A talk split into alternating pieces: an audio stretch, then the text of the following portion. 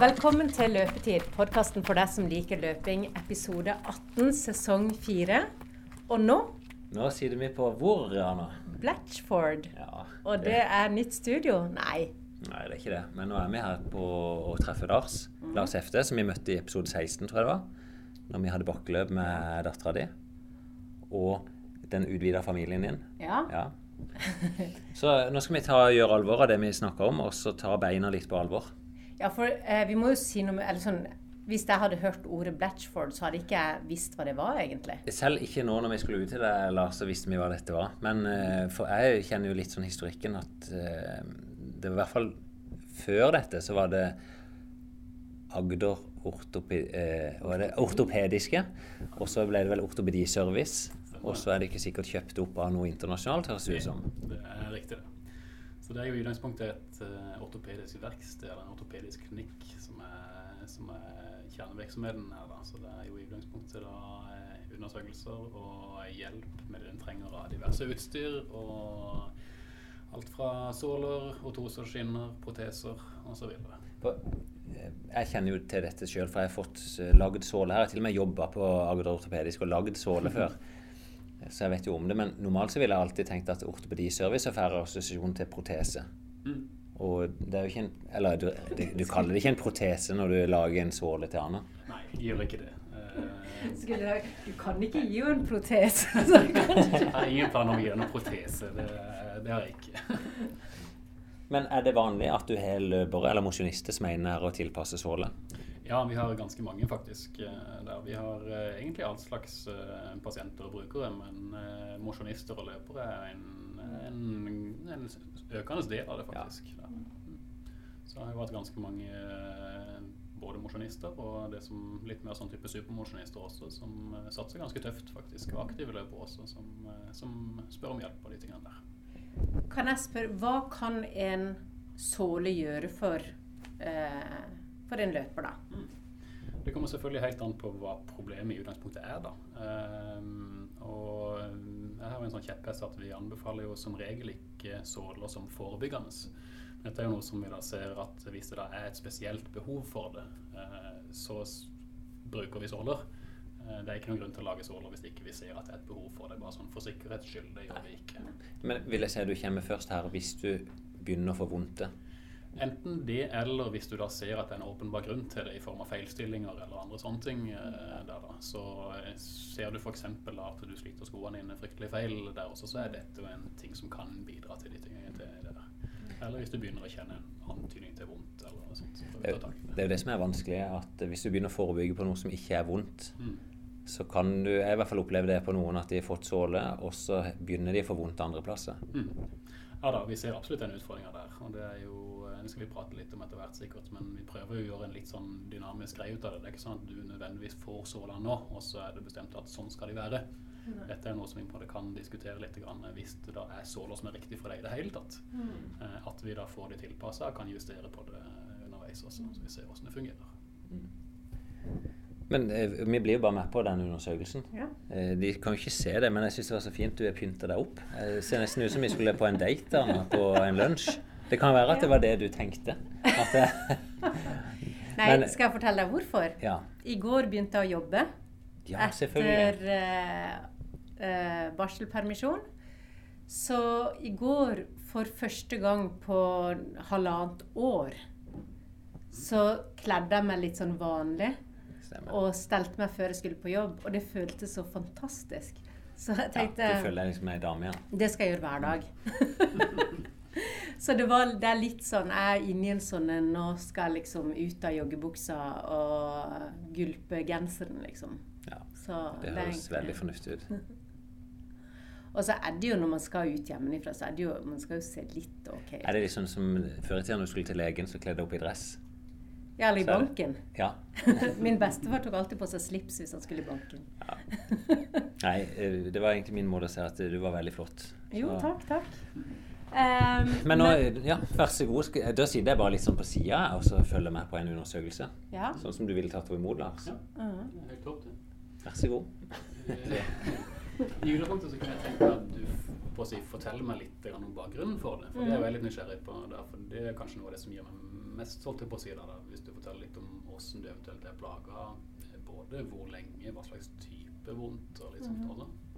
Ja, eh, jeg begynte jo Skal vi se eh, Da vi hadde første sesong av podkasten, det var vel 2017, eh, så gikk jeg fra å trene mye styrketrening Det var egentlig det jeg holdt på med. Og løp lite. Jeg har hatt litt sånn ganger hvor jeg har løpt før, men aldri noe sånn eh, organisert eller ofte. Eller sånn. Det var mest styrketrening. Så pga. podkasten så skulle jeg begynne å løpe litt jevnlig. Og da fikk jeg først veldig vondt i hofta. Eh, og da fant vi ut med hun fysioterapeuten vi hadde med i podkasten, at det nok var fordi jeg ikke var vant til å løpe.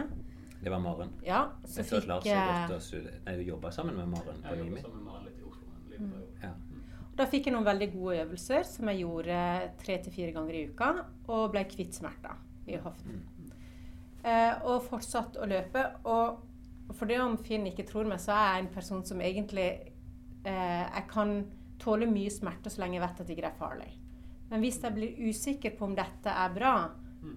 så begynner jeg nok å kjenne veldig etter. Men jeg er ikke redd for å ha vondt. Hvis du sier til meg men sånn er det bare, så tåler jeg det.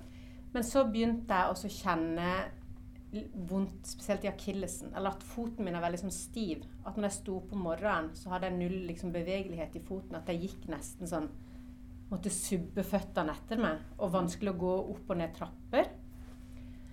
Eh, så det var rett og slett bevegeligheten i eh, ankelleddet, kanskje.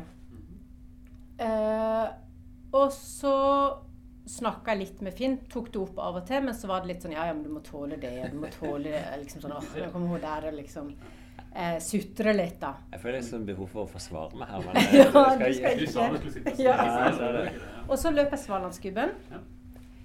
Eh, og etter det så fikk jeg veldig vondt i Oi, da trodde jeg hadde slått han av. Eh, da fikk jeg veldig vondt i akillesen. Og så begynte jeg å få en sånn klump bakpå eh, som ble bare større og større. Eh, og så tenkte jeg at eh, ja, dette er kanskje noe som vil gå vekk av seg sjøl. Så tøyde jeg litt, og så begynte jeg å kjenne under foten, akkurat som hadde stein i skoen. Eh, så jeg trodde at det var liksom noe i sokken. Det, var, det føltes som det var noe som var utafor min fot, som plaga meg. Eh, så det tok lang tid før jeg skjønte at hvis jeg pressa under mellom store tå og den tå som er ved siden av, cirka, så var det der det var vondt, da. Eh, og så eh, skulle jeg gå til en fysioterapeut. Så gikk jeg til, først til legen min, fastlegen min, og da trykka han på Da googla han 'vondt i akilles'. Ja. Og så printa han ut alle de samme sidene som jeg allerede hadde lest. Og så sa han vær så god, da kan du gå hjem og lese, og så kan du finne en fysioterapeut hvis du vil. Så sa jeg kan du anbefale meg noen? Eh, nei, det er, fri, det er fritt valg.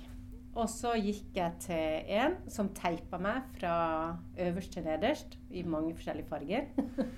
Ja. Og det hjalp ikke. eh, og så gikk jeg til slutt til en annen fysioterapeut som behandla meg med sånn sjokkbølge. Trykkbølge. Mm, mm. Det hjalp. Ja. Da forsvant den kulen etter seks til åtte behandlinger. Ja. Og graviditet. Mm. Og, så da har det vært en lang periode uten å løpe. Og smerten har forsvunnet. Så begynte jeg å løpe igjen nå. Og nå kjenner jeg at den er i ferd med å komme tilbake igjen. Og jeg er veldig sår i egentlig bak på leggen. Hele leggen og framsida av foten. Så vet jeg ikke. Jeg er sår pga. at eh, jeg har nettopp begynt å trene igjen. At det er noe du skal tåle. Eller er det en skade som på en måte er i ferd med å bygge seg opp igjen, da. Jeg har veldig lyst til å klare å løpe skadefritt i år. Eh, men eh, jeg er veldig stiv i selve foten, så det, jeg klarer nesten ikke å tøye den. Det er nesten som jeg går på to planker. Mm. Så kanskje jeg trenger protese. Så i går løp jeg 9,2 km. Mhm. Det er Og- fantastisk bra, da. Det er bra. Ja. Ja, For det er ganske mye i forhold til hva du har gjort på tidligere, det er ikke det? Veldig Ja. mye mer. Ja. Det er det. Mm. Eh, og da kjente Da gikk jeg litt sånn stivt resten av dagen. Men jeg sto opp i dag morges, så jeg kjenner det. Men det er ikke sånn Mm. dødelig vondt. Men jeg kjenner det i akillesene. Ja. Så hvis jeg forstår det riktig, så er det akillesene og den stivheten i det Mm. som da er største problemet, sånn Ja. som er nå. Mm. Eh, Det problemet som nevnte under foten eh, Den er i hvis den, Når det har gått kanskje fem kilometer, så kommer den. Ja. Og da er den der hele resten av turen Ja. eh, der, da? Ja. Mm. Hvor lang tid tar det før det roer seg igjen etterpå? Da da må jeg være ferdig med løpet og liksom kanskje dagen etter. Ja, ok. Eh, Og av og til med visse typer sko så, som ikke er løpesko, så kan det komme tilbake. For hvis jeg går på høyhælte støvletter, eller noe, så Mm. kommer det fort tilbake. Mm, mm. Skjønner. Greit. Um, merker du forskjell i hvilke sko du løper i også? Eh, er det noen forskjell sånn sett? Jeg har bare ett par sko. Eller jeg har to par sko som jeg løper i, men de er akkurat samme merke. Ja. Eh, så det jeg ble anbefalt, var å ha, ha noen litt breie sko. Mhm. Og som, var la, som ikke pressa på akillesen. Mm. Så uten å skulle være veldig sånn reklame, så gikk jeg for noen eh, Sakoni-sko. Ja. Mm. Mm. Eh, som jeg har vært egentlig veldig fornøyd med, fordi de har ikke stramma sånn rundt foten. Og det syns jeg jo høres veldig fornuftig ut eh, der. Eh, Det som jeg mm, pleier å si også, det er at hvis du da først har litt problemer med føttene og kjenner at det er litt sånn antydning til problemer, så kan variasjonen i seg sjøl i fottøy også være fornuftig. På samme Mm. måte som vi anbefaler variasjon i underlag også, for Ja. at det ikke skal bli for monotont. Mm. Så hvis du da har to par med sko, da, så vil jeg jo ofte anbefale at du da har eh, to par med litt forskjellige egenskaper. Eh. Så det kan jo være en ting å tenke på. Du skal og kjøpe nye sko nå, men neste gang du skal kjøpe, så kan Mm. du jo se om du kan finne noen andre som er fortsatt er gode, men Ja. som kanskje har litt andre egenskaper. For det de jeg har nå, de to sånn Saucony som jeg har, den ene var den jeg kjøpte til Svalandsgubben, så det er en sånn type terrengsko. Ja. Og den andre er flat under. Riktig. Og da er det nok litt forskjellige egenskaper på det Ja. også, eh, der, selv om prinsippene er sikkert er relativt like den samme Mm. merket. Mm. Men sånn, egentlig, vi snakker ikke om at du er skada nå, men du har noe som dukker opp. En Ja. som dukker Mm. opp når du springer. Ja. Sånn at, Um. eh, og jeg vil jo Jeg har jo som mål dette året å kunne løpe en mil, Mm. og syns at det er helt OK, liksom. Ja. Det er mitt mål. Ja, så bra. Ja. Ja. Da er du ikke så langt unna, tross alt. eh, Nei. Nei, men du opplever at du er litt stiv i leggene foran og bak, Ja, og så er det litt vondt under. Ja, og Ja. akillesen er vond. Ja. Den er liksom sår. Mm. Ok. Henger dette sammen, eh, Lars? Ja, det gjør det jo. Det høres jo ikke eh, hva skal jeg si, Det er jo ikke uvanlig, eh, den typen problem. Nei. Så er det jo gjerne litt sånn at en blir litt utålmodig også. Så her jeg, vet jeg jo at du har forsøkt å være forsiktig, og Mm. Finn har jo mana deg til å ta det med ro når du starter opp, og hele den biten av det der. Så har jeg fått med meg at det høres jo ut som at du gjør mye riktig sånn sett eh, der, da. Men uh, en har jo en tendens til å være litt utålmodig likevel. Mm. Sånn er det jo. Ja, for det, det er tre løpeturer i uka nå, så jeg har alltid hviledag imellom. Fint. Og så er det I går den ni kilometer, det var den lengste jeg har hatt. Det er fem-seks kilometer som er det som det pleier å være. Og da kan For å fortsette den tråden med litt variasjon, så er det jo lurt at det er forskjellige typer turer også. Ja. ikke sant? Som er alt fra underlag til mm, tempo og så videre. Mm. Så det høres, høres bra ut. Tempo er det vanskeligste å gjøre noe med. Nei, du imponerer der. Du gjør det. Hvor lang tid brukte du på de 9,2? Da brukte jeg 1 time og elleve minutter. Ja. Mm. Og det var fordi jeg gikk i bakkene. Ja men sånn syv minutter blir det? Syv-åtte minutter på kilometeren, kanskje? Og det var veldig mye bakke. Det var den der på Jegers, vet du. Ja. Den lange, Ja, ja, som er fint. veldig mye oppoverbakke. Nå Tero også er på beina her, og noen fancy tatoveringer. Det må vi se. En blomster, er det det? Nei, det er jo en sånn skjell, og det er en F for Frida, og her er det et dikt. og Nei, det er veldig mye. Oi, det er veldig mye du ikke ikke- vet om meg, Finn. Det er betryggende. Um, før vi tar og ser litt mer på det, så må jeg bare ha noen flere spørsmål til deg. Ja. Jeg spør mye underveis Ja, ja. for å få et inntrykk av hvordan det er. Um, du sa det med en del øvelser og sånne ting der også. Har du gjort noen øvelser for føttene og for type akilles? Uh, noen sånne ting? Um, tåhev, balanse, noe sånt spesielt? Eh, Da jeg kom til hun andre fysioterapeuten, så ba hun meg om å gjøre tåhev.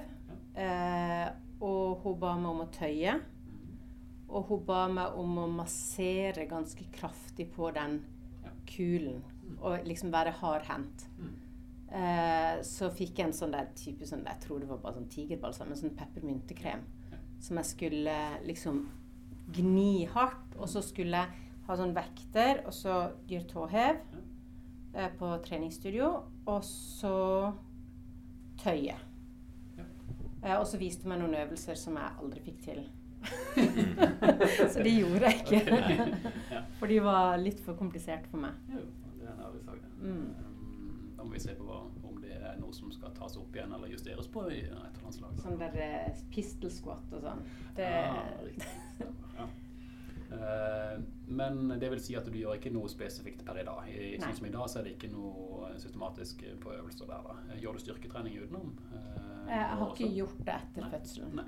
Men uh, annet enn uh, Nei, jeg, jeg vil si at jeg ikke har gjort det. Ja. For det har jeg gjort det så ubetydelig. Det er greit. Det er greit. Bra. Eh, det vi gjør i dag, da, når jeg skal se på det, det er at jeg kommer til å se litt på foten din når du eh, står, når du går litt. Teste litt på balansen. Eh, Mm. litt sånn. Så har vi en sånn speilkasse som vi kaller det, som står bak her. Så vi kan se liksom hvordan selve trykket på foten Mm. eh, legges. Så vi kan se hvordan det ser ut der. Eh, litt avhengig av hva vi ser for noe der, så kommer jeg til å kjenne litt på bøye beina og klemme litt på foten. og litt sånne ting. Kunne se om det da er så stivt som du vil ha det til. Eh, og så ser vi om det er hensiktsmessig med såler for det, eller om vi har noen andre anbefalinger til det i form av treningsøvelser eller tøyninger, eller hvordan vi velger å gjøre det. Det jeg har prøvd sjøl, da, det er en sånn såle som de selger på løpelabbet. En sånn liten sånn eh, silikonhæl. Ja. Som jeg har lagt i den eh, skoen som er helt flat, eller den som ikke er sånn terreng. Og så har jeg prøvd støttestrømper. Uh, og så har jeg prøvd en sånn en Det ser ut som en avokado. Veldig sånn Ja. Ja, men det andre er fra løpelabbet. Det er sånn eh, kule, liksom svart, ruglete kule som du skal massere liksom under foten. Det er egentlig veldig behagelig, men da, det er spesielt for denne klumpen jeg har hatt under, Ja. at da kjennes det ut som jeg liksom Men det høres ut for meg i hvert fall sånn Det er to forskjellige ting, dette. For det er kul under forfoten. Eh, Jeg vet ikke hva du tenker om det, men jeg vet hva jeg tenker om det. Ja, det har jeg tenkt på å gjøre. jeg, nei, det er bare fordi jeg har slitt med sånne tilsvarende problemer sjøl. det ene kan være Er det Mortens, som kan være Det er veldig nervetrådene. Det blir mellom tærne. Det blir en sånn fortykning av nerven som går mellom Ja, som, eh, som kan være. Den er jo ikke lett å bare massere vekk. Den må vel ofte opereres vekk. Men så kan det vel òg være at eh, hvis den er tverrplattfot, at du kan få for mye trykk da. Rett på de knogene under der. Ja. Eh, Og det er det, det det vanligste. det er sikkert det vanligste. Og sånn som jeg har skjønt, så er symptomet ganske likt. At det kjennes ut som når du springer, at det kjennes ut som en stein i skoen. Og jeg kjente på det sjøl. Jeg var på vei inn til Nimi sjøl for å operere, og Dalio sa at nei, nei, det er nok ikke det. Og da kom jeg her og fikk såle, og fikk korrigert det. Og det er jo noe av det som vi har lyst til å se på da når vi ser på fotstillinga, om det da er noen sånne åpenbare ting som vi ser at dette kan vi korrigere hvis vi gjør sånn eller sånn, ikke sant? med en sål eller et innlegg. men, men kan du se det bare med å være her inne òg? Du kan se det til en viss grad. Du får det klart Når du står stille, så får du det kun statisk. Vi ser ikke Ja. hvordan det blir når du løper. Eh, vi har en mølle som vi kan teste det på også hvis vi ser at det er nødvendig. Eh, der, som måler trykk og litt sånne ting eh, også. her. Eh, fortell noe litt morsomt. Det var en stund jeg tok sånne aerobic-timer. Og da var det veldig populært med sånn der, å stå på sånn halvball. Som bosuball. Ja. Eh, og jeg fikk så mye kramper under foten eh, at jeg kunne ikke være med på de timene. For det, jeg fikk helt sånn krampe. Og da fikk jeg høre av en der på treningssenteret at jeg har sånn ekstremt sånn gripe eh, Liksom sånn ja. gripetær. Sånn at eh, jeg kan liksom Nei, det var ikke noe galt med disse. Men det kan høres litt sånn rart ut, men når du da står og skal jobbe med balansen, Mm. så er jo det en refleks, det å prøve å holde seg fast. Ja. Og det gjør du også det gjør du med tærne, bokstavelig talt, og prøver å gripe. Og det er klart, blir det en tøff belastning for foten der da, så blir den overbelasta som alle andre. Sånn at eh, Liksom at jeg har litt sånn der ape Nei, du vet Altså ikke. missing link. Ikke sant? Jeg har sett mye her. Jeg jobber jo noen år i er Forsvaret. og der, eh, i hvert fall når det er NK-tropp, så er det han som er ansvaret for å inspisere føttene til soldatene hver dag når du er på øvelse. Så jeg setter en del tær, så disse er helt normale. Anna. Okay. Det er ikke apekatt her. Jeg får ikke sommerjobb i Dyreparken. Ser du, er det mye rare tær som kommer inn her? Ja, det er jo det. En blir jo til en viss grad immun mot mye rart som en ser, Ja. eh, men det aller mest går veldig fint. Det er jo, folk er jo litt påpasselige når de kommer hit med å få liksom, ja. Men vi har mye rare feilstillinger også. Vi har jo ikke bare de som løper mye, og er der. vi har jo også de som har større deformiteter, medfødte ting, og skader etter eh, ja, kan ha vært ulykker eller Mm. ja, sånne. Det som jeg har sett etter de årene i Forsvaret, så er du vant til å se både fotsopp og neglesopp.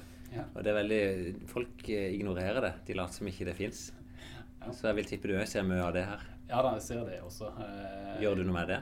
Påpeker du og sier nå det er lett å bli kvitt? Hvis, gjør, hvis det da er åpenbart, så gjør jeg det, ja. ja. Men eh, de fleste som kommer hit, de er relativt påpasselige. Hvis de først kommer hit for å løse et problem, så har de som regel tenkt på hvordan føttene ser ut. allerede. Ja, stemmer. Men det er jo bare for å ta det Du har ikke noe verken Jeg har så mye eller mellomrom mellom tærne. ja, Du kan ikke få fotsopp. Det er så tørt og fint. Men det er jo veldig lett å bli kvitt. Ja. Det er typisk eh, krem fra apoteket på fotsopp. Og så jeg vil jo anbefale tabletter hos legen for neglesopp. Men det er vel mye løpere og sånn som får fotsopp og neglesopp fordi det er så tett i skoen og presser så mye og sånn. Jeg vet ikke, løpere Folk som er mye i tette sko generelt.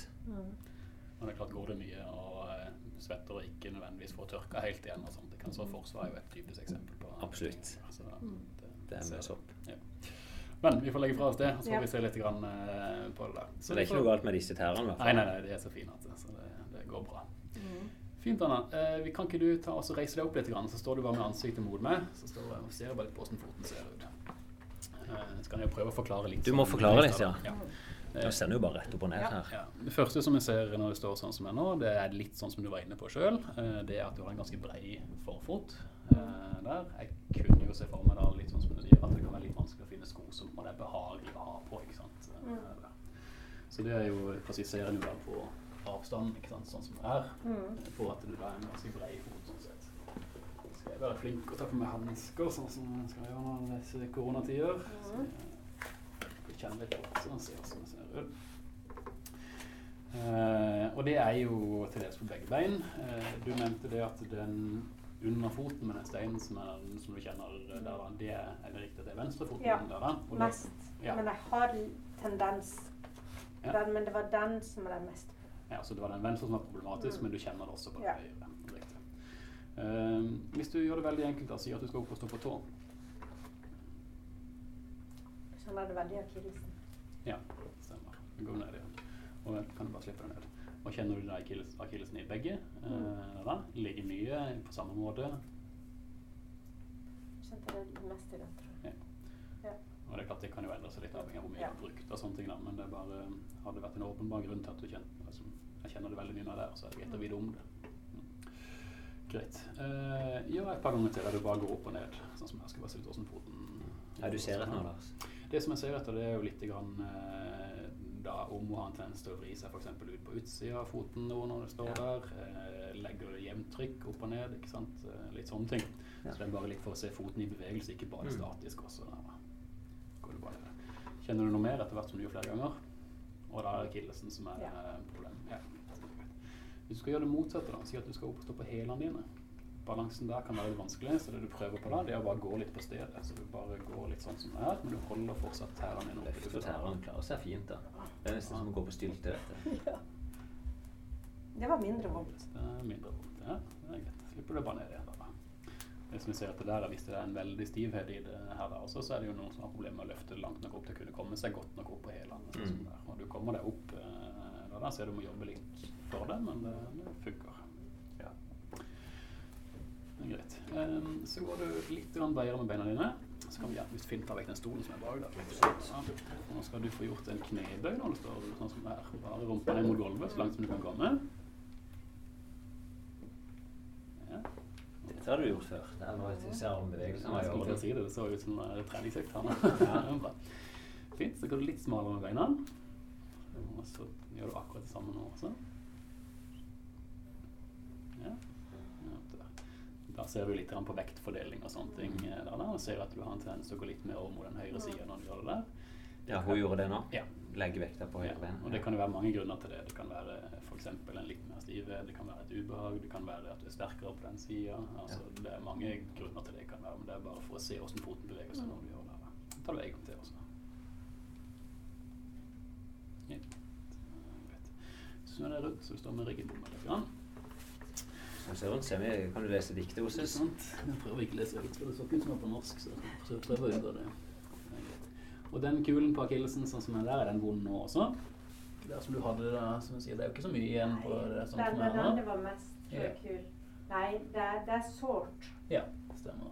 Så om jeg til å på å si, kjenne på det sånn som Ja. det er, så kjenner Der du er det. Der er det vondt, ja. Ja. ja ok.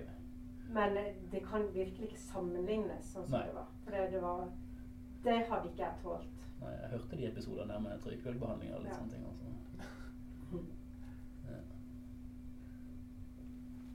Bare kjenne den forsiktig. Hva er det du kjenner? Prøv å kjenne om det er Prøv å kjenne om det er noe hevelse, om det er noe fortykning på scenen, sånn som det her nå, og om det er noe ujevnheter egentlig. Mm. Der for å se om det er noe eh, type mm, forkalkninger eller hevelse pga. noe annet. eh, Kjente du noe? Eh, Ikke veldig mye. På å si, eh, ironisk nok så er det den venstre sida som var litt ujevnheter helt på det midtpartiet, sånn som det er. Ja, så akkurat inni det, sånn som det er. Mm. Men det er ikke unormalt når en da løper en del, og det har jo vært diskutert en del om, eh, om den fortykkelsen av akilleshælen som kan komme når du er løper, om det da eh, er en normal forandring hvis du løper mye, for, Mm. ja, eller om det faktisk er en, noe som er galt med den, hvis du kan si Ja. det sånn. Så eh, med mindre den er smertefull, så er det ikke det noe nødvendigvis som er noe kjempestort problem. Altså. Hvis du klemmer den på den Ja. Da er vi inne på, på den. Der. Ja. Det er liksom det området som er mest vondt. da. Ja. Ja. Og der er det en sånn liten kul som sitter igjen uh, i det her også. En litt sånn, eller ikke kul, men en ujevnhet. Ja. Ja. Så må du opp og stå på tå der også. Så går du ned igjen. Greit. Hvis du får lov til å gå inn til veggen da, og så bare holde deg med ei hånd i veggen der, da. Og så klarer du å få det til på ett bein også. Løfte seg opp eh, ettbeins tåhev, kan vi kalle det. Ja.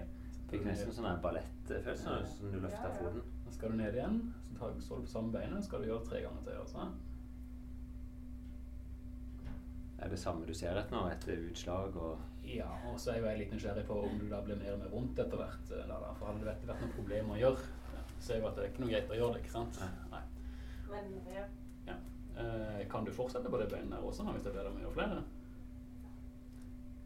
Er det sånn at det gjør mer og mer vondt jo flere du gjør nå? ja. Mm. Eller jeg kjenner det mer og mer, men jeg vil ikke kalle det vondt. Jeg vil kalle det tungt. Ja. Det er akkurat som at han ikke vil, liksom. ja. Så jeg vet ikke om det er svakhet i leggen. Nei. Skjønner. Skal du prøver på andre bein, da, så kjennes det ut.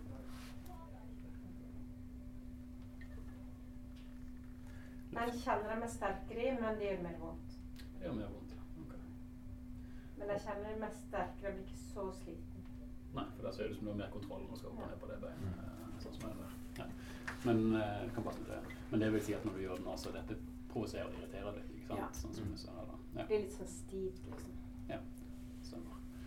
Uh, og det er jo uh, da Allerede der så tenker jeg at dette er jo en ting som kanskje burde trenes opp, sånn at du da kan klare å tåle mer av det etter hvert. Eh, en stivhet og et ubehag er i denne sammenhengen her ikke farlig. Dette kan du på en måte trene opp og prøve å øke tåleevnen på vevet til at det skal tåle mer Ja. og mer. Ja, så det, det gjør ikke noe å være stiv og litt øm? Nei, eh, altså jeg pleier å si at eh, et ubehag på å si, når, du holder, når du gjør den typen øvelser, det er helt ok. Men Mm. idet det går fra å være ubehagelig til å være vondt, at du må på en måte pine gjennom det for å gjennomføre, eh, så er du kanskje over grensa da, Ja. på, på det å skulle trene opp. Men Ja. sånn ubehagelig, det Ja, for dette er helt, dette er helt Ja. greit. Ja. Det. Mm. Så dette er jo en ting som vi kan diskutere litt om det kan være fornuftig for deg å få gjort litt systematisk tåhev, men at vi begynner såpass lavdosert at du kan gjennomføre x antall repetisjoner da, uten at det går fra å være ubehagelig til å være vondt. Ikke sant? Mm. Greit. Um, hvis du står og holder balansen på ett bein eh, her nå Nå ser vi jeg gripe til Ja. å gripe fast. Opp. mm. Du trenger ikke la være for det. Nei. det. Det er greit. Mens du står der nå, så vil jeg at du skal få lukka øynene dine. Og da blir det jo vanskeligere å holde Mhm. balansen når den er i gang. Og Det jeg har lyst til å se litt, det er jo hvordan det ser ut når foten blir utfordra litt. Grann på det. Det er, sånn, det er den øvelsen skal jo få leve lenge, er ikke det de sier? Bra, kan du slippe deg ned. Gjør det samme med andre. Begynner du med åpne øyne på andre sida.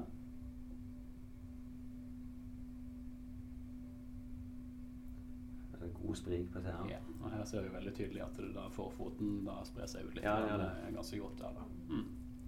Så lukker du øynene inn mer.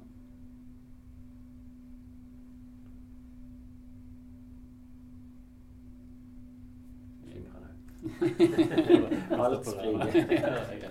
kan bare stoppe. Det, det er helt fint. Ja. Og det er jo det som, som vi ser her når du står der, da, at forfoten din har en tendens til å spre seg ganske godt utover.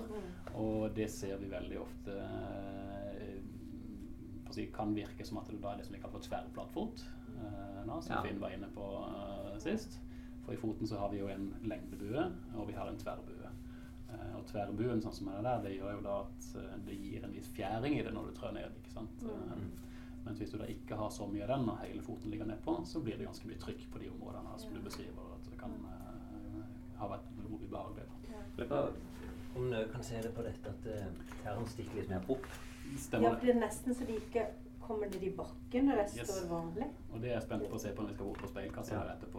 og se. Men det, det liksom stemmer, det.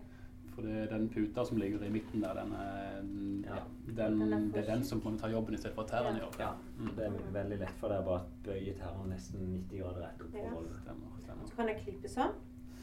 Oi, ja, nå er det noe litt sånn spesielt. Dette burde jeg filma. Ja. Den er veldig spesiell. Veldig grei. Ja. Man- Er du plukker ting med tærne? Ja, jeg tar alt med tærne. Mye brukt. Gjør det? Ja.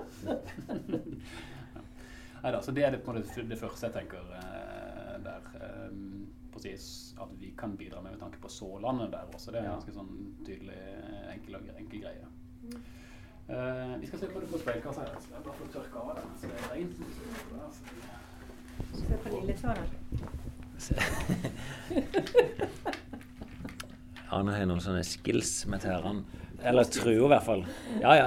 Du, du er i hvert fall i stand til å få eh, veldig god spredning mellom stortå og pegetå. Steike! Det ser ut som jeg mangler en tå. Ja, det gjør det.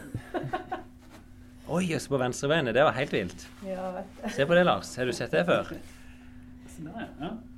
ja, vi har noen av de som, som gjør det, og de er jo litt sånn typisk når det da sprer seg ut, og i tillegg da du er litt tverrplattfot, så er det mye luft der. Ja, som ja, ja, ja.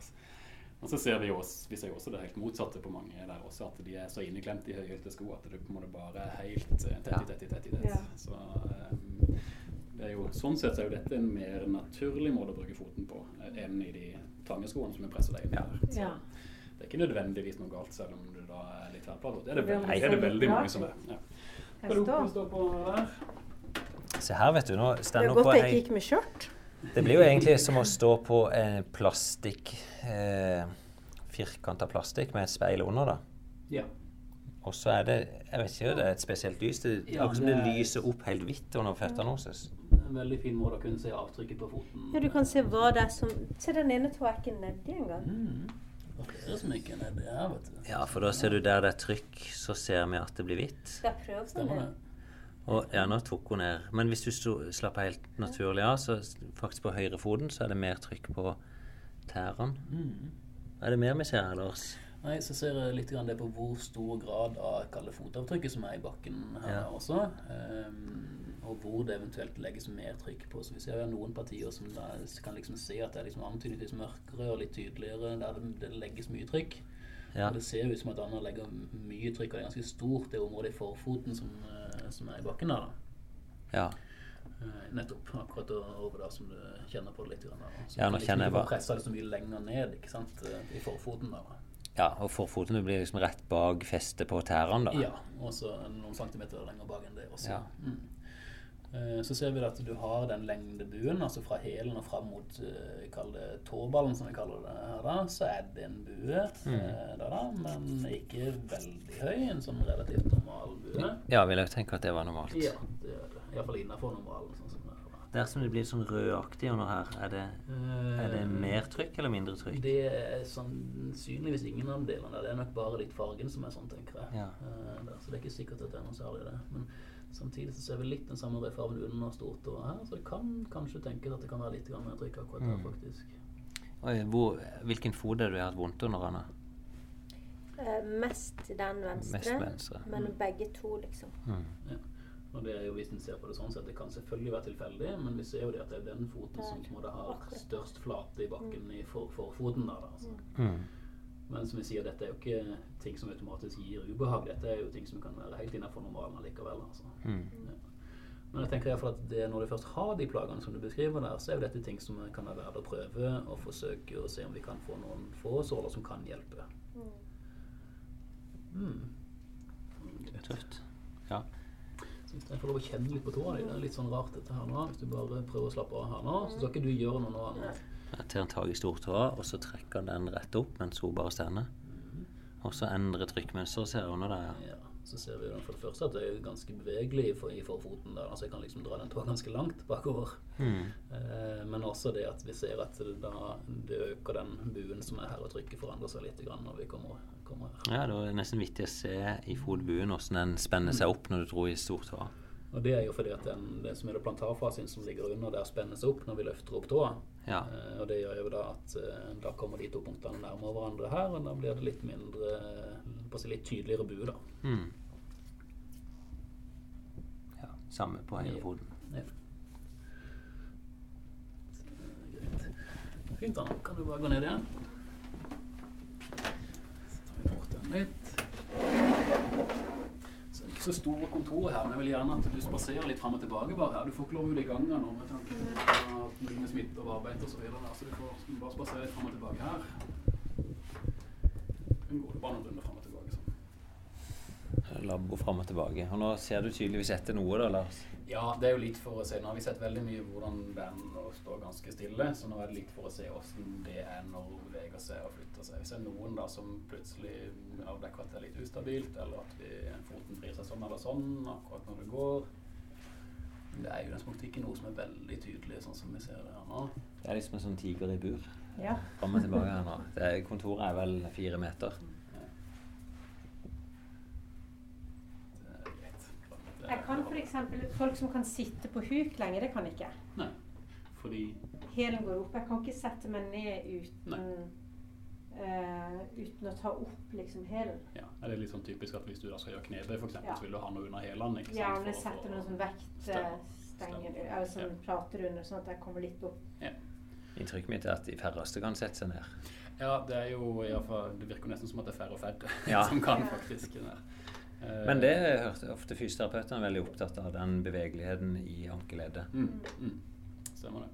Uh, og det er litt fordi at det påvirker ganske mye, f.eks. i en knebøy. ikke sant? Så påvirker jo det da hvordan du bruker resten av ryggen. Mm. ikke sant? Og Den der som faller framover. Ja, så du, du vil ha en god bevegelighet helst i leggen. Aller helst Ja. eh, så vil jeg det. Og det er jo litt sånn funksjonelt. Så kan en diskutere om hvor, akkurat, akkurat hvor viktig det er for løpinga i seg sjøl. Om du vil altså, er jo, Jeg vet jo at det er enkelte løpere som ikke vil tøye fordi at du skal beholde den spensten i muskulaturen og litt sånne ting. eh, der da. Men eh, realiteten er vel at eh, jo sterkere Ja. du er og har god bevegelse samtidig, jo bedre er det. Ja. Ja. Nå, Så er, nå har jeg vært veldig nøye med å tøye. Ja. Eh, etter at jeg har løpt, så Mm. står jeg kanskje og tøyer i ti minutter etterpå. Ja. Eh, for det føles bedre for meg, rett og slett. Mm. Og det er jo Tøyning i seg sjøl er jo omdiskutert Ja. eh, hvor mye en skal gjøre det der også. Men der eh, tenker jeg at det er ganske enkelt hvis du opplever at det føles bra og det føles Mm. bedre. Eh, der så syns jeg det er helt fint. Ja. Um, det har vel vist seg at styrketrening med store bevegelsesutslag gjør mer for hva skal jeg si, utslag i muskulaturen, Mm. altså lengden i muskulaturen, enn hva ren statisk tøyning gjør. Ja. Mm. Um, så typisk eksempel er hvis du skal tøye bakside lår, f.eks. der, så vil du sannsynligvis ha mer effekt av en markløft, strak markløft kontrollert, Ja. enn det å statisk stå og tøye bakside av Ja. låret. Mm. Eh, det er kanskje en annen diskusjon igjen. Bra. Eh, jeg skal se på en ting til her nå. Vi skal bort til døra her litt. Grann. Det jeg vil låne, det er at nå setter du foten din inntil veggen sånn som Mm. her. Og så vil jeg at du skal med hele foten i bakken. Sette kneet inntil Mm. veggen sånn som der. Så vil jeg ha det litt og litt lenger bakover. Da skal du sjekke bevegeligheten hos oss i, i ankeleddet. da. Ja. Så ikke sant, hvor langt kan du komme tilbake og fortsatt treffe? Når ikke jeg kommer lenger, ikke sant? når jeg kommer dit, så må jeg få komme meg fram, så må jeg løfte hælen der. Og da er utgangspunktet for langt. Da. Så, så hvor langt kan du Jeg vet ikke om du ikke skjønte det, men nå setter hun i hvert fall der. tærne helt inntil veggen, og så bøyer hun kneet med Hælen skal være i bakken hele tida, da. Skal jeg ikke holde med. Det kan du godt, det gjør ingenting. Det gjør ingenting, nei. Så nå setter hun kneet greit inntil. Hvis det fungerer, så tar du litt tilbake. Ja. Flytta 8-9 cm tilbake. Fortsatt kne i, i veggen, det funker fint. Flytter hun enda litt. Det klarer du ikke, tror jeg. Nei da. Finn har ikke tro på det. Nei, jeg har ikke lyst til å ha et sånt rykte at jeg ikke tror på folk. Men eh, hun klarte ikke Det Ja. Jeg vet jo Det var en av screeningøvelsene vi brukte før på landslaget. Å se liksom hvor mange centimeter du kunne gå tilbake. Så. Så kan vi 12 ta andre centimeter. Så kan vi alltid måle dette nøyaktig, men det, for å si det sånn, jeg ser oftere på om det da, er- om, om det da er noe åpenbar grunn til å skulle se nærmere på det, enn Ja. akkurat det å måle hvor mange centimeter det er. Mm. Ser du på utslag her òg, om ting vrir seg? Gjør det. Så ser på foten da om eh, Hvis det da er dårlig bevegelse så ofte, så vil jo ankelen ha en tendens til å gå innover, f.eks., og litt sånne Ja. ting der. Så det kan fort endre litt hvordan du legger trykket på foten. Eller. Neste tror. Ja, ikke så mye lenger bak du kommer, tenker jeg. Nei. Nei, løftet, så Nei, litt av det samme som 10-12 cm, kanskje. Ja, og det jeg tenker jeg er helt innenfor normalen. Eh, eller det er ikke noe som tyder på at det skal at akkurat der er det noe vesentlig dårligere bevegelsesslag enn hva det burde være. Så det så, ok. Bra. Um, Sett deg ned på stolen litt. Grann, Men det er ikke noe sånn store funn egentlig ennå, Lars? Nei, ikke noe veldig mye, bortsett fra at du var ganske sår og øm på selve trykket på akillesen i seg sjøl. Ja. Det var ganske tydelig. Eh, det var ikke Ja. så vanskelig å finne hvor det var vondt. Nei. Nei, men det er mer sånn symptom altså Ja, på at noe er vondt. Du klarer ikke å si noe ennå hvorfor det gjør vondt. Nei, eh, ikke på akkurat den biten av det der, men eh, på å si det som er da en tverrflatfot, sånn som vi sa det, den er ganske tydelig. Ja. eh, der.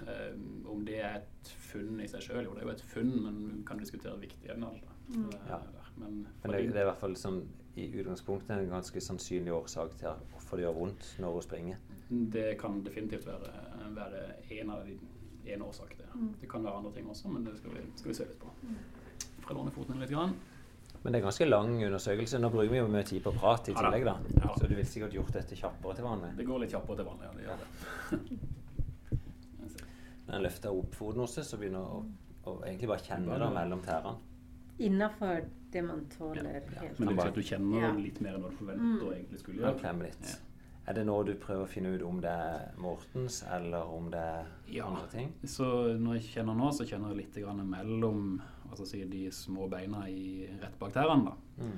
Uh, og der kan en i noen tilfeller finne liksom akkurat hvor smertepunktet sitter hen. der, da, Og i noen tilfeller så finner en det på andre måter ved kompresjon, f.eks. Ja, så trykker, for nå trykker han eh, Holder rundt hele foten, egentlig, så har du tenkt å trykke inn, så det ut som. Ja, så hvis på sikt kan tenke klemmer eh, lille tå og stortå sida mot hverandre, sånn som det er da. Så vi klemmer inn sånn som det er her. Det går fint. Holder vi bare den der litt, grann, bare for å se om det provoserer noe mer når vi holder det litt. Er det typisk Mortens at han Ja. vil provosere når du klemmer rundt foten? Han klemmer det bare som Jeg skal ikke se hva det ser ut som, men eh, klemmer hardt rundt foten, da. Ja. Ikke noe ubehagelig i det hele tatt. Eh, Jeg skal ikke si at vi kan utelukke at det er det, men i de tilfellene som, den er, som er tydelig der, da, så vil det jo ofte være sånn at, eh, at kompresjon i seg sjøl pga. den nerven som er fortykka, vil kunne være vondt, og da får du de Ja. Ja, det er bare sånn. ja det gjør det. Eh, Så når den da fungerer greit, så skal jeg ikke si at jeg utelukker det, men jeg tenker det er så mindre sannsynlig. i hvert fall. Mm. Så er det jo også vanligere at en Mortens nevrom sitter mellom eh, tredje og fjerde, eller, eller eventuelt fjerde og femte tå, enn hva det er for noe mellom de to første der. da. Ja, for du er mest smerte oppi her rett Ja, eh, enten så er det der eller der. Ja. Ja. Så det kan alltid dukke opp andre steder også, men de vanligste er de ytterste. der. lilletå, ja. Ringtå og lilletå. Stemmer. Greit. Kjenner litt på bevegelsesutslaget. Prøver å slappe av så godt som du klarer å få til her, da. Ja, nå presser han foten. Der kjenner jeg det veldig. Ja. Det der Hvor eh, kjenner du det? Nå er det bak her. Ja, helt opp til kneet, faktisk. Her. Stemmer. Og der ser vi at der kommer jo så vidt over 90 grader, eh, sånn som det er. Så der du hadde god bevegelse da i, eh, døra, så har du ikke så god bevegelse akkurat på den som er der. Der beskylder mannen min meg for å gjøre motstand Ja. når han skal tøye foten min. Men hvorfor er det forskjell? For det er jo samme øvelsen, er det ikke? Eh, ikke helt, for når jeg sto mot døra, så hadde hun da bøyd kne. Oh, ja, mens så nå er det strakt strakt kne. ja. Så det er to forskjellige muskler i leggen som ble satt på strekk på to Ja. forskjellige måter. Mm. Så det kan en se litt hvis vi strekker det opp med strakt kne her. Det er veldig stiv. Ja. Og så kan du se at hvis vi da bøyer kneet her, da, Ja, så så, er på en måte ikke det så- noe problem nei. lenger. Og da er det jo en del av den leggen som burde, som burde jobbes med, og det er jo da med, med strakt kne. Det er på en måte ikke noe poeng for deg å tøye med bøyd kne, sånn som vi har mot veggen eh, der da, men å tøye med det strake kneet der, eventuelt styrketrening på det strake kneet. Så det er liksom den klassiske nesten fotballtøying mot veggen. Så tøyer du med strakt bein, og så bøyer du kneet. Så eh, kjenner du ikke like mye, eller Ja. du kjenner det annet sted. For, Et annet sted, da. Ja. Og hun kjenner det ikke der hun bøyer kneet, men hun kjenner det der hun bare er strakt bein. Men så vil jo jeg anbefale at i stedet for å gjøre den statiske tøyninga, sånn som vi sier her, at du i stedet gjør da tåheven da med det strake kneet. Eh, der, der du virkelig jobber deg helt ned og kjenner at du da tar ut fullt bevegelsesutslag. på Tå strakt i trapp, da, Ja, typisk. Ja, ja. Så du kan slippe det ned under 90 Ja. grader. Nettopp. Og legge på så mye vekt som akillesen tillater at du gjør. eh, der. Og da slår du på en måte to fluer i en smekk, for du får en bedre bevegelse eh, ved å trene på den måten der. Og du får i tillegg da trent opp akillesen spesifikt på det som en trenger å gjøre. og som er. Slå på igjen.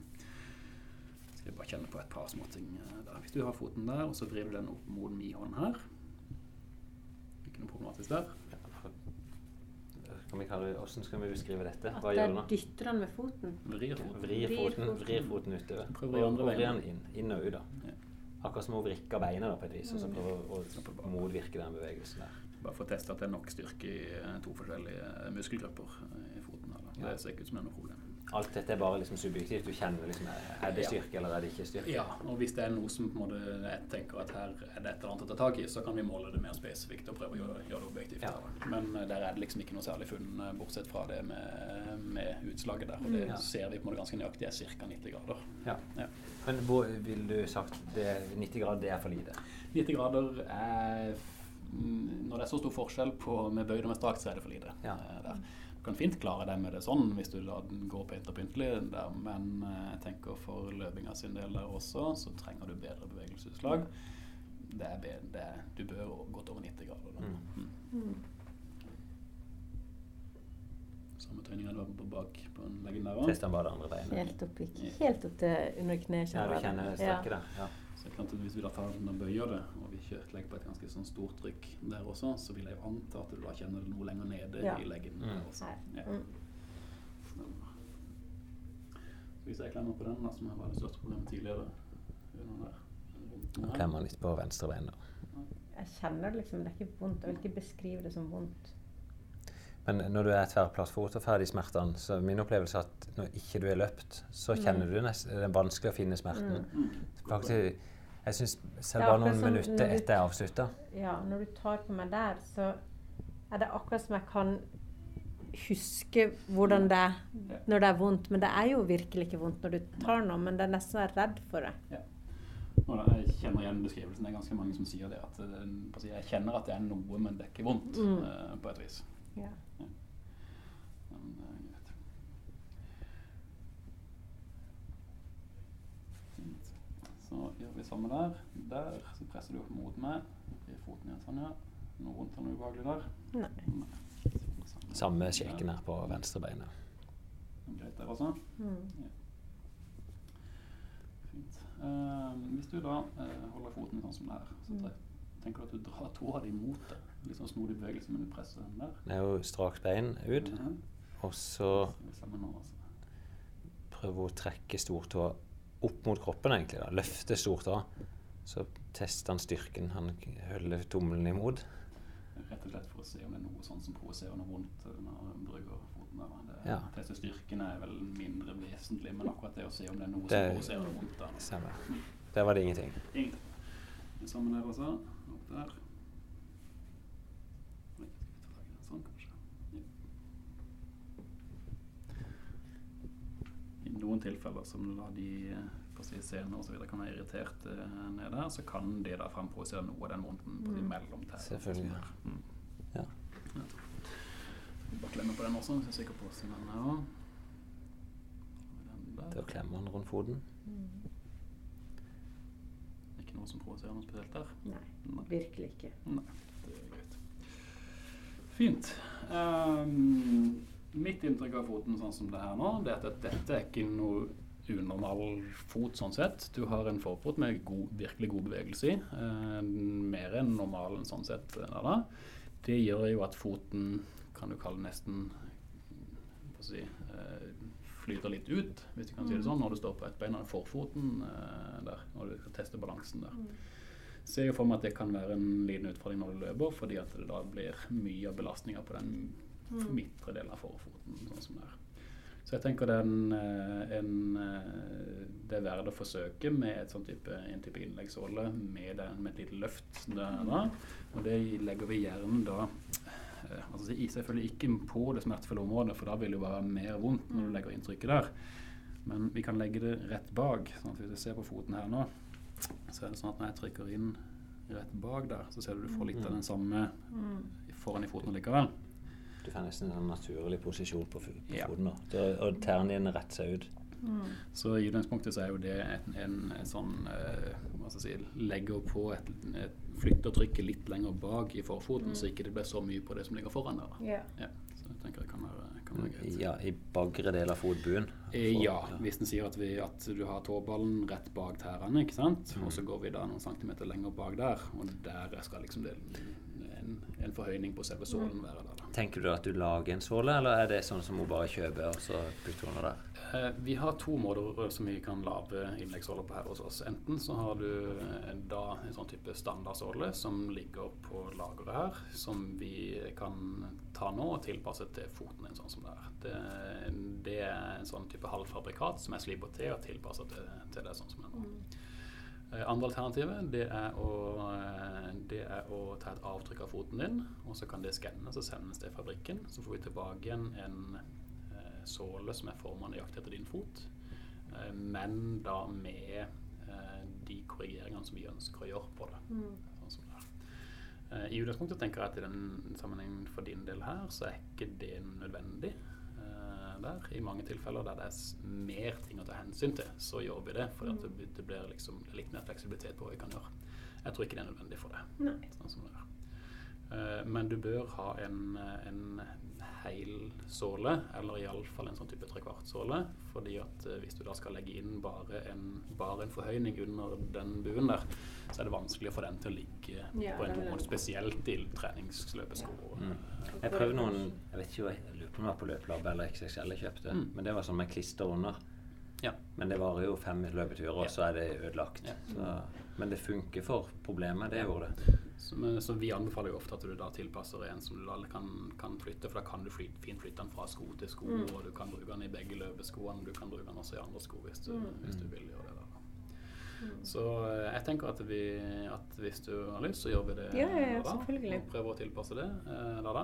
Eh, Er det noe som er så fort at du kan gjøre det nå? Sånn, jeg kan eller? gjøre det nå. Det, nå trenger jeg litt tid på verkstedet til å få slipt det til for tilpasset eh, sko og så videre der. Um, nei, det er ikke verdens beste sko å gjøre med i dag. Jeg med sånne fine, søte, fine sko, vil jeg kalle. Sorte med lakka tær. Ja. Lakka front. Så jeg får lov å låne litt. Kan vi se her da. Ja. Vi er avhengig av det å få tatt ut den innersålen som, eh, som er der. eh, Da, for å få plass til den sålen som vi eventuelt skal legge opp i stedet. ja, men ville du normalt heller hatt joggeskoene hos oss? Jeg ville mye heller hatt Ja. joggeskoene sånn, egentlig. Men eh, hvis vi kan Jeg kan jo få Kjartan til å kjøre opp hit i morgen med joggeskoen min. Det går an, det. Eh, Ja. Da anbefaler jo da gjerne at du får prøvd de eh, Ja. også før vi, før du på en måte går herifra. Så hvis Ja. du har noen minutter, så kan Ja. eh, ja. Er ikke det beste? Ja, bare at du ter og gjør det Det tar jeg et avtrykk i dag, så vi, kan se, Mm. så vi får liksom akkurat hvor stort det skal være. Og Mm. sånne ting da.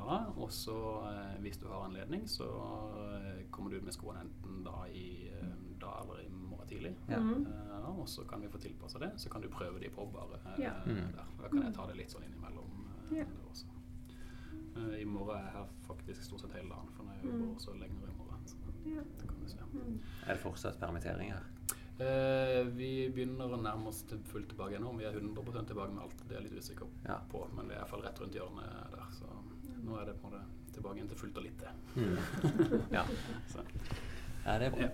Neida, så, men jeg tenker det skal være i utgangspunktet noe som jeg tenker kan hjelpe deg ganske eh, greit. Eh, veldig åpen for at eh, tror ikke at du sånn magisk så er det alt bra, Nei. men jeg tror at det kan bidra. Mm. Eh, Så tror jeg det at eh, den, det som gjelder med akillesen din der, det handler om to ting. Uh, ene, som jeg vet at Finnar uh, maser på deg litt om, ta det rolig nok og Mm. begynne forsiktig eh, Mm. for å øke tåleevnen. Mm. Og for å kunne øke tåleevnen på akillesen litt mer, men fortsatt holde under kontroll, så vil jeg anbefale å gjøre tåheven på en kontrollert måte. Mm. eh, da, og få trent opp det systematisk, sånn at du da tåler litt og litt mer der. Mm. Og hva er det å trene kontrollert? Hvor mange ganger i uka? Og hvordan gjør jeg det? Eh, når du har vondt sånn som det er nå, så er det veldig greit å sette litt tall på det. Eh, hadde det ikke vært vondt, så hadde jeg sagt at for deg som starter å løpe, så kan du gjerne gjøre tåhev og gjøre mange. ikke sant? Så det er- Men for deg som da har vondt når du gjør tå- der da, så handler det om at du må finne en eh, si, hva det tåler for noe. Mm. Kan det sånn. For hvis jeg sier til deg at du skal gjøre eh, 15 repetisjoner, og du har så vondt at tårene spretter etter syv, så vil jeg ikke du skal gjøre de siste. Nei. Nei. Da må du enten eh, gjøre færre, eller så må du regulere ned, sånn at du har mindre belastning på. Mm. Støtte deg med hendene eller et eller annet. Mm. Kan du få det til å fungere, så vil jeg at gjerne at du gjør eh, 15 repetisjoner. Så tar du en pause, og så skal det gjøres tre ganger. Mm. Eh, de første to-tre dagene som du gjør det, så skal du gjøre det én gang om dagen. Og så kan du overdrive det to ganger om dagen når du føler at ok, dette er helt innafor grensa. Mm. Og jeg er i trapp, da, sånn at jeg får hele Og da snakker du Da er det bare å gjøre tåheven. Rolig tåhev. Ja, med begge beina på likt. Eh, med begge beina på likt, fordi at jeg tror det vil provosere litt for mye å gjøre det Ja. med ett og ett bein. Så da begynner du bare med det. ja. 15 tåhev i trapp, vent litt. Ja. Og litt er bare et halvt minutt. ja, det er et halvt minutt til et minutt. Ja. Eh, Og så 15 til, og så 15 til. Ja. Ja. Og der eh, kan du jo også da si at når du da kan gjøre det på ett og ett bein fordi at du trenger å legge det på tyngre, så vil jeg jo gjort det veldig enkelt. Sagt, Mm. da gjør vi høyre først, så gjør vi venstre når høyre pause, og så fortsatt. Så blir det bare annethvert bein. Ja.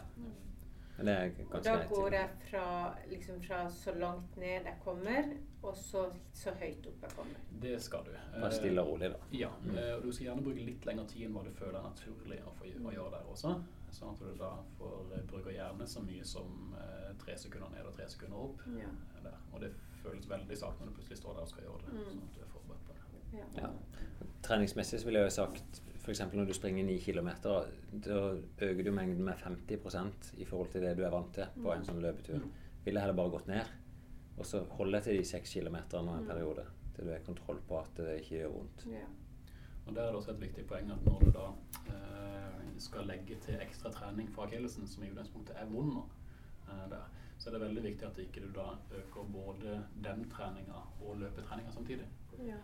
Eh, fordi at når du da kommer til meg og sier, så sier du til meg at du har mer vondt nå, eh, hvorfor har jeg det? Så vet egentlig ikke jeg hva som har provosert hva her. Mm. Mm. Sannsynligvis er det totalmengden der, da. Men det er veldig greit å kunne Når du øker på det ene, så har du kontroll på det andre. Ja. Så da skal du holde deg under kontroll på løpinga, og så øker du liksom litt på litt. Grann. Mm.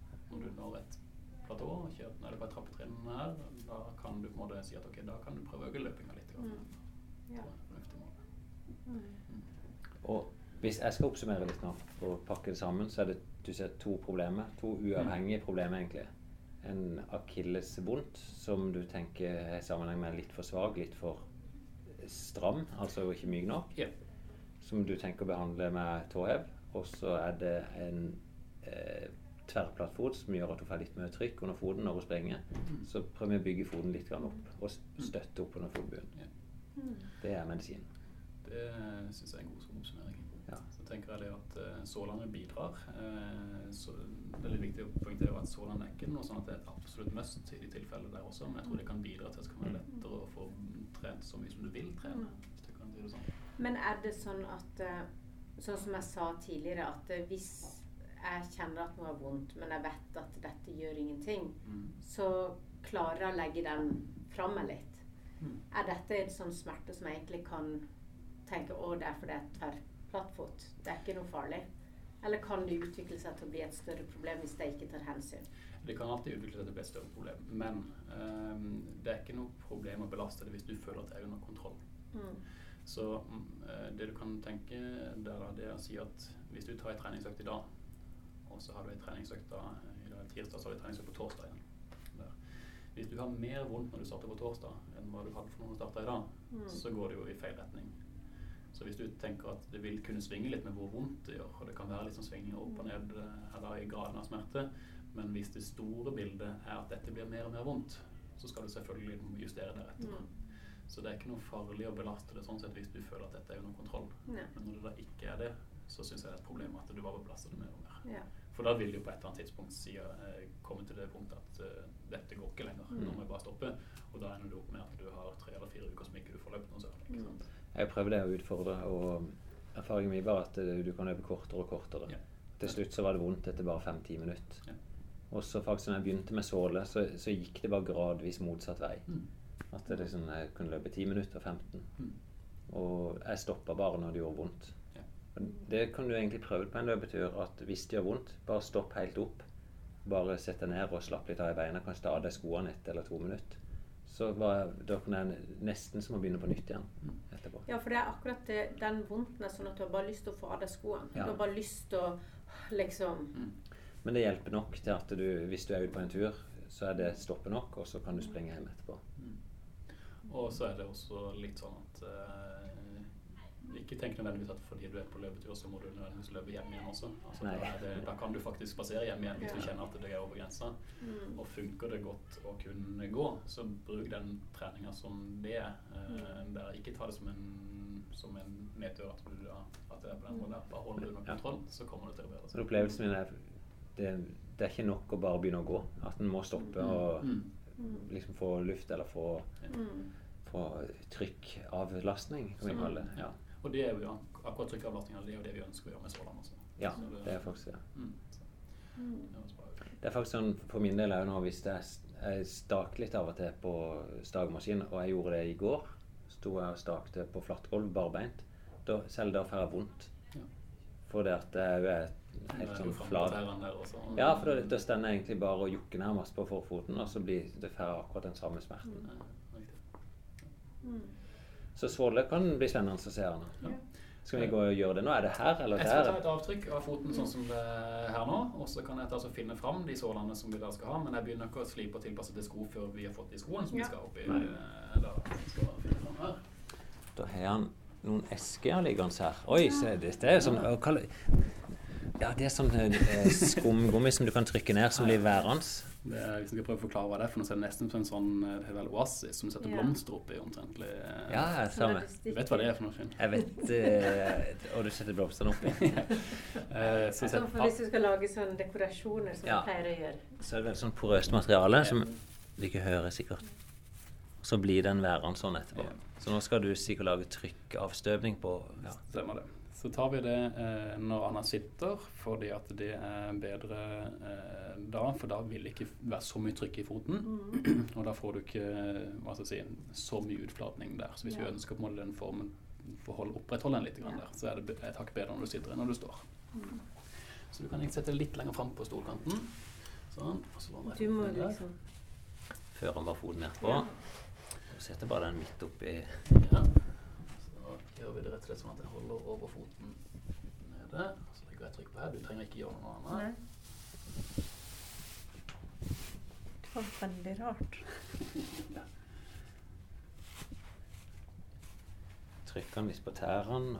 Ja, det er et ordentlig fint foderavtrykk. Så det er du som egentlig utgjør trykket. Ja, for da kan jeg velge litt om det skal legges på innside, utside og litt sånne ting der da. I forhold til hvis den står der, så blir på å si alt trykka ned sammen. Så får du den Mm. flate.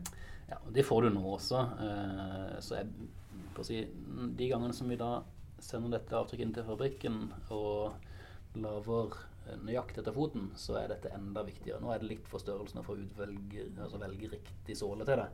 Så den er ikke så vesentlig som det vil være ellers. Der, da. Ja, så lagde du noe merke der du så Ja, det er noen to forskjellige ledd som vi skal markere bare for å finne, for å finne riktig størrelse. Ja. Oi, det var fint.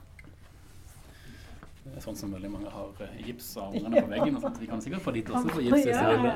Ja, men det er du ser jo til og med rynkene i foten. Nei. Jeg ser det.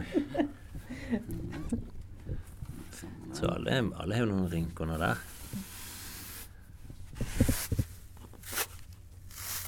veldig spesiell følelse. Var, det. godt? Litt. Det var som å, å sånn myk sand. Sånn vå, våt sand. Ser du hvor mye avstand det ble mellom stortåa og peketåa der?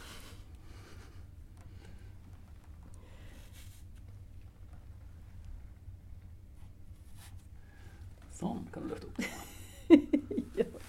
Litt under vekten, så ikke det ser sånn Men nå gjør det ikke, fyller ikke dette med gips? Eh, nei, det, det kan gjøres eh, der, da. Men sånn som dette, da bruker jeg slett bare det avtrykket til å velge ut de sålene som er riktige for Anna, av de eh, på å si, som vi har på lageret her. Og så fil du, eller Så sliver vi sånn, det til, og så skal vi få det til å liksom sitte godt opp i skoen der. Da. Så det er egentlig mer et redskap for å finne riktig eh, type såle, riktig eh, størrelse på sålet, Mm. og se eventuelt hva du trenger for noe hvordan vi skal slipe det til og tilpasse det. Så det der. Kan hente en sånn såle, så kan du se hvordan det, hvordan det ser ut. Eh, Jeg får ikke lov å ta deg med inn på Nei, nei. Grann. Vi kan jo oppsummere litt sjøl her. Hvordan er det? Føler du deg ivaretatt? Veldig.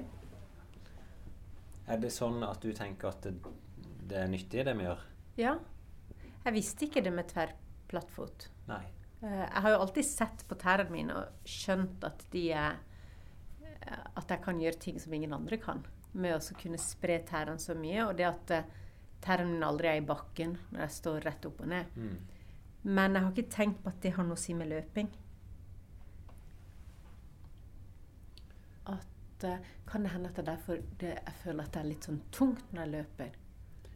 Det tror jeg ikke. Nei, det er bare at jeg ikke har den teknikken. Ja. Det er nok vanskelig for å tro at du vil kjenne det bare pga. det. For det er mange løpere som er tverrplattfot. Mm. Jeg er jo det samme sjøl, og jeg tenker jo ikke på det. Nei. Men vi får samme smerten. og Vi kan peke liksom akkurat Ja. i skoen sånn Mm. inni her en plass om det gjør vondt. Også akillesen høres jo òg veldig fornuftig ut. At Ja. ok, du begynte å øke treningsmengden, du får vondt. Ja, sannsynligvis ikke sterk nok. Mm. Du er litt stram. Så nei, jeg, det gir tillit, dette. Mm. Så Så her, vet du, nå kommer han med Oi, det, det var en tjukke sager. Ja. Tok jeg med meg litt forskjellig for å kunne eh, vise det litt forskjellig hvordan vi kan, kan gjøre det. Vi har eh, litt forskjellige typer. Eh, det er det som skiller det kanskje aller mest, det er hvor harde eller myke de er. Eh, så eh, dette er den standardvarianten som vi bruker. Den er eh, fast, men fortsatt relativt myk. Mm, vi kjenner på det. Det er sånne bl helt blå. Og så er disse her er sånn forhøyning midt under Ja. Så det er jo den forhøyninga òg som vi prata om. Ja, en forhøyning liksom i Ja. bakre del av forfoten. Ja. Så er det det samme som er der. Det er samme type, men det er litt hardere. Ja. Ser veldig like ut, og så er den i grå. De er veldig lette, disse, så det er jo ikke noe som vil utgjøre noe forskjell for en løper om de får mer vekt. Nei da, så må de bare slipes tynt nok til at det blir plass til dem. For sånn som nå, så ser de jo litt tjukke og litt Du har jo sånn klumpete og uhåndterlige ut Ja. eh, der. Hvis vi sliper det jo da eh, sånn at de blir tynnere og gjør seg bedre i skoene. Ja. Og det er bare en vanlig pussemaskin fortsatt, er det ikke det? Jo da, det er det. Det er sånn uh, skomaker, sånn slipebånd som går eh, Ja. der. Så det er gamle måten. Og dette er du bare på feelingen, liksom at eh, Ja, og ut fra hva en ser sett for noe, og så litt sånn på mål hvordan det skal være. Men det er det du tilpasser skoen hos oss til slutt? Det Og da det. kutter du den rette størrelsen, og så Stemmer. prøver opp ifra. Ja. ofte kan det være problemer med at de blir for tjukke. Mm. Sånn at eh, du kjenner at skoen, eller foten passer plutselig ikke opp i skoen. Så da må du bare tilpasse. Og det er jo derfor jeg ikke vil at du bare skal levere fra deg skoene og så bare få de i hånda. For jeg vil gjerne skal prøve dem for å se at det er plass eh, der. Og her har du en annen type som er veldig mye mer solid. Du Ja. ser at den er jo da ganske Dette er en sånn annen type soft. Det er jo veldig hardt. Det er det nesten som en sånn karbonsåle. Det, jo, Ja, det er jo ikke det er en sånn type mikrokork-sak, men den er jo knallhard. Eh, Men når den slipes tynnere, så er den relativt fast, men, eh, men på å si mer fleksibel enn nå, da. Mm. Så vi har litt forskjellige varianter som vi kan bruke. Ja. Så- Hvorfor tenker du å bruke på Jeg tenker i utgangspunktet den blå, eller kanskje den, eh, den grå der. Eh, skal diskutere litt med meg sjøl og se hva som er best. Ja. Eh, det kommer også litt an på skoene eh, der. Eh, I utgangspunktet er den blå standardvarianten, og det er den vi kaller det ofte, ofte lykkes best med. mm. Eh, så jeg ser ikke noen sånn stor grunn til at jeg skulle, skulle velge noe annet. Der. Mm. Det er det samme som jeg har hatt. Jeg har jo løpt mye med det. Jeg har sikkert hatt det i to-tre år. Ja. Eh, Det kjennes jo som en lefse, men det, de, for min del så virker det jo fortsatt. Om det er bare mentalt til slutt, det vet jeg ikke. Nei, det, Ofte, altså, Hvor lenge vil du anbefale å ha en sånn? det kommer på mye du bruker det, selvfølgelig. Ja. Eh, Det er klart det vil jo være litt forskjell på du som løper dine kilometer i forhold til hva andre folk gjør for noe. Mm. Men eh, det er ikke uvanlig at det er folk her som, eh, som kommer og sier at det, nå har de hatt i både ett og to og tre og fire år. Ja. Det er ikke uvanlig. Um, så anbefaler vi som regel ikke å bruke de hele tida til å begynne med, men at du blir vant til det og begynner å bruke det litt og litt. Så det kan vi diskutere litt når du får prøvd dem. Men det typiske ville vært for henne å komme ut her med joggeskoene, sjekke OK, du bare Ja. sliper dem og Ja. tester, og så gå. Ja. Så jeg tenker det at det, det er bare å komme ut, og så hvis du har tid til å sette en halvtime, så gjør jeg det mens du venter. Og så Ja, ja, ja. prøver vi å få gjort det. Så det går fint. Det er så bra. Bra. Eh, For folk som hører på, er det dyrt? Altså Det høres jo dyrt ut å, å liksom ha en time her ute på en ortopediservice, eller bli ble. Blatchford. Ja. ja. Eh, altså, det kommer litt an på hvordan du ser det. det altså, sålen koster, det koster 1400 kroner eh, for sålen. Ja. Men i det så er jo det inkludert eh, da konsultasjonen i dag. Oh, ja. Pluss en eventuell oppfølging senere. Mm. Så hvis en ser på den måten, så er, så er ikke det ille. Eh, så er det noen priser som sannsynligvis blir gjort noe med om ikke så lenge, for vi syns at vi har litt å gå på der. ja. Men, eh, men med tanke på at du da får oppfølging, og vi kan diskutere i etterkant, og litt sånt, så, så, eh, så er det som er. Skal du gjøre den varianten som du da er via fabrikken, der vi lager det nøyaktig liksom etter, altså, sånn, som etter ditt støp av foten, der, da, altså, Mm. så koster det 2000 kroner. ja. For da sendes da avtrykket som skanner til en fabrikk i Portugal og tilbake igjen. og sånt. Sånn jeg tenker da, f.eks. for for henne, så ville jeg normalt bare kjøpt vanlige nøytrale sko. Trenger ikke være dyre sko engang. Mm. Og heller bruke sålen. Ja. Sånn at Istedenfor å betale 2500 for en sko, så kan du kjøpe en til en tusenlapp eller snaut det, og så en såle som du kan bruke flere omganger. Men jeg har, alltid fått høre at jeg har normal pronasjon, at jeg har ikke noe rart sånn. Enig. Stemmer det? Mm, enig. Og det er litt sånn, da har du som regel ikke noe spesielle behov heller, og det, da, da trenger en ikke det som er mest fancy av hverken Nei. sko eller utstyr eh, og sånne ting. Så jeg er veldig enig i at du, du kommer veldig langt med, med nøytral sko, og hvis du har behov for en såle, så, så er det der. Ikke alle har det, men noen har det. Mm. Uh, men veldig mange av de som kommer her, de uh, sier jo at de har kjøpt seg blakk på sko for å prøve alt mulig slags sko som passer, Ja. før de kommer hit. Ja. Uh, og så kan jeg si til dem at du kan kjøpe en sko til halvparten av den prisen du har kjøpt de tre forrige ja, parene. så da er du nesten på null allerede der. Ja. Så. Eh, Du, jeg, jeg var nesten overraska sjøl når du begynte å fortelle gjennom hele historikken og hvor mange plasser du har vært og oppsøkt, og du har vært på løplab. Og, Mm. eh, så vi ser om vi er på rett plass nå. Ja. jeg håper det. Ja.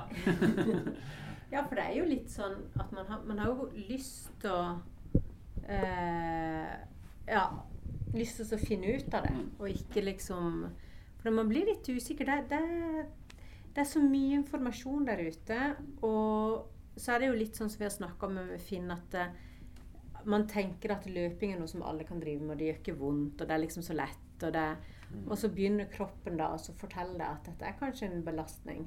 Så, så det har vært noen runder.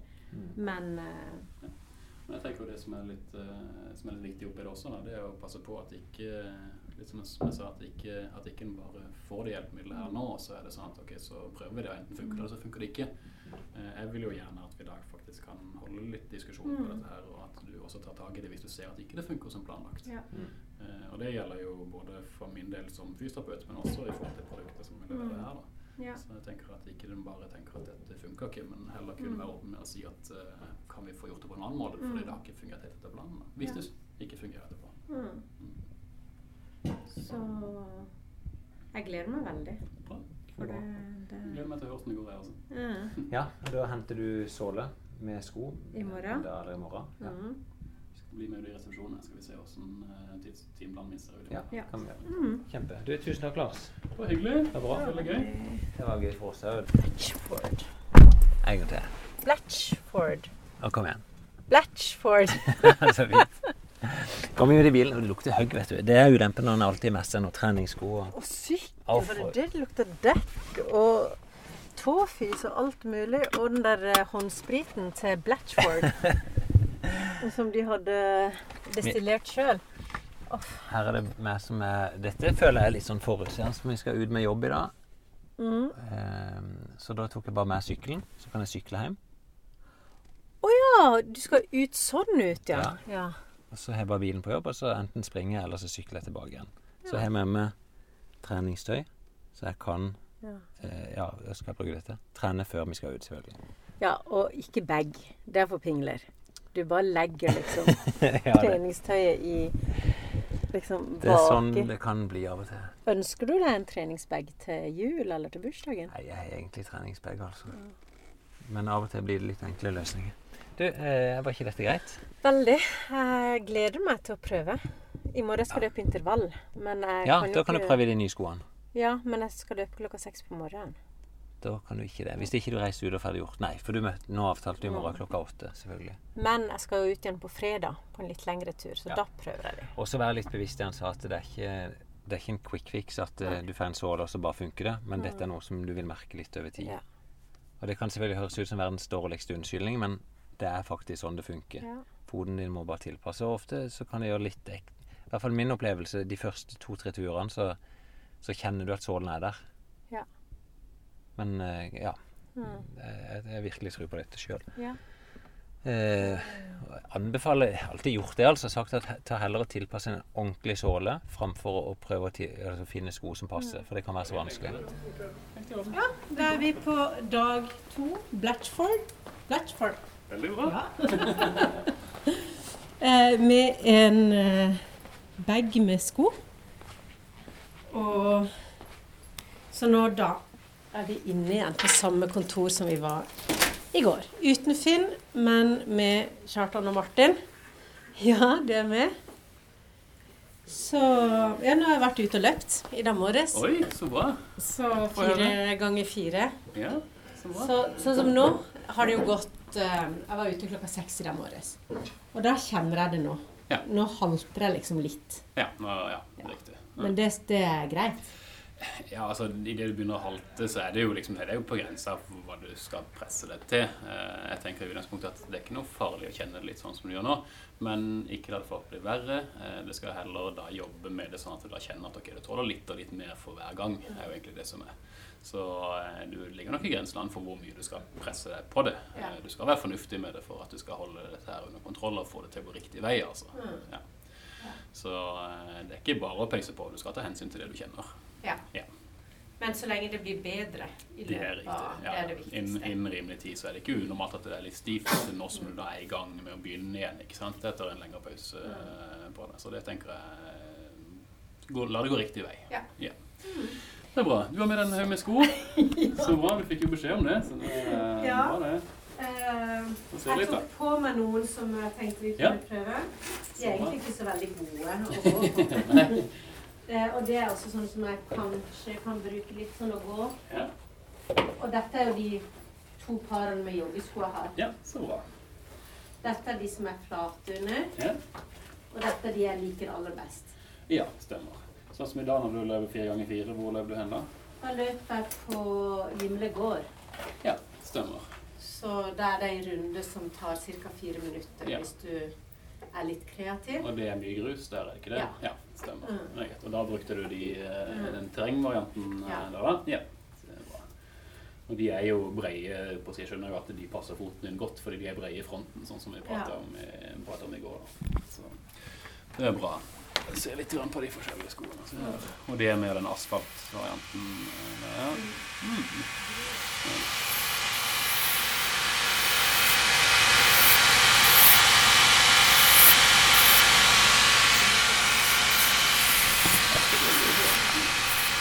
Sånn. Ja, da har vi vært inne på verkstedet og fått uh, pussa den nye sålen. Skal vi se åssen For de fleste som tar det på seg, så kjennes det jo uvant. Det er jo kanskje det for de fleste sier. Eh, Det kjennes ut som at sokken har rulla seg. Når sålen er helt ny også, så er det mye friksjon der også. Så, den, eh, så hvis du bokstavelig talt hvis du har en litt løs sokk, så vil den eh, være litt sånn rar. Men du får en klump under der. Ja.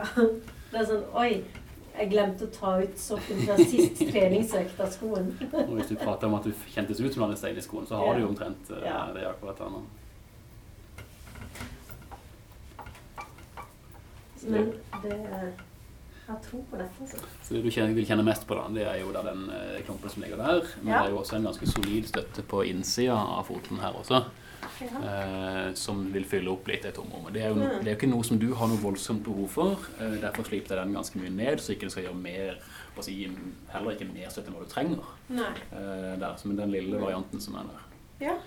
Så er det litt sånn at det slipes jo for hånd, så det vil jo kunne oppleves sånn at det kan være eh, nyanser, ikke sant? litt forskjell fra den ene til den andre. Så det er jo det vi vil ha tilbakemelding på nå, Mm. hvordan, hvordan du syns det kjennes. Eh, jeg klarer ikke å si noe sånn at det kjennes annerledes på den ene eller den andre. Jeg tror det er liksom for mye nytt til at jeg klarer egentlig å konsentrere meg om sånne små detaljer, for jeg kjenner Mm. den. Men det kjennes ikke vondt eller ubehagelig. Noen ting. Er det noe du tror du kan bli vant til? hvis jeg kan si det på Ja, ja, ja. Jeg har lyst til å begynne å bruke det med en gang.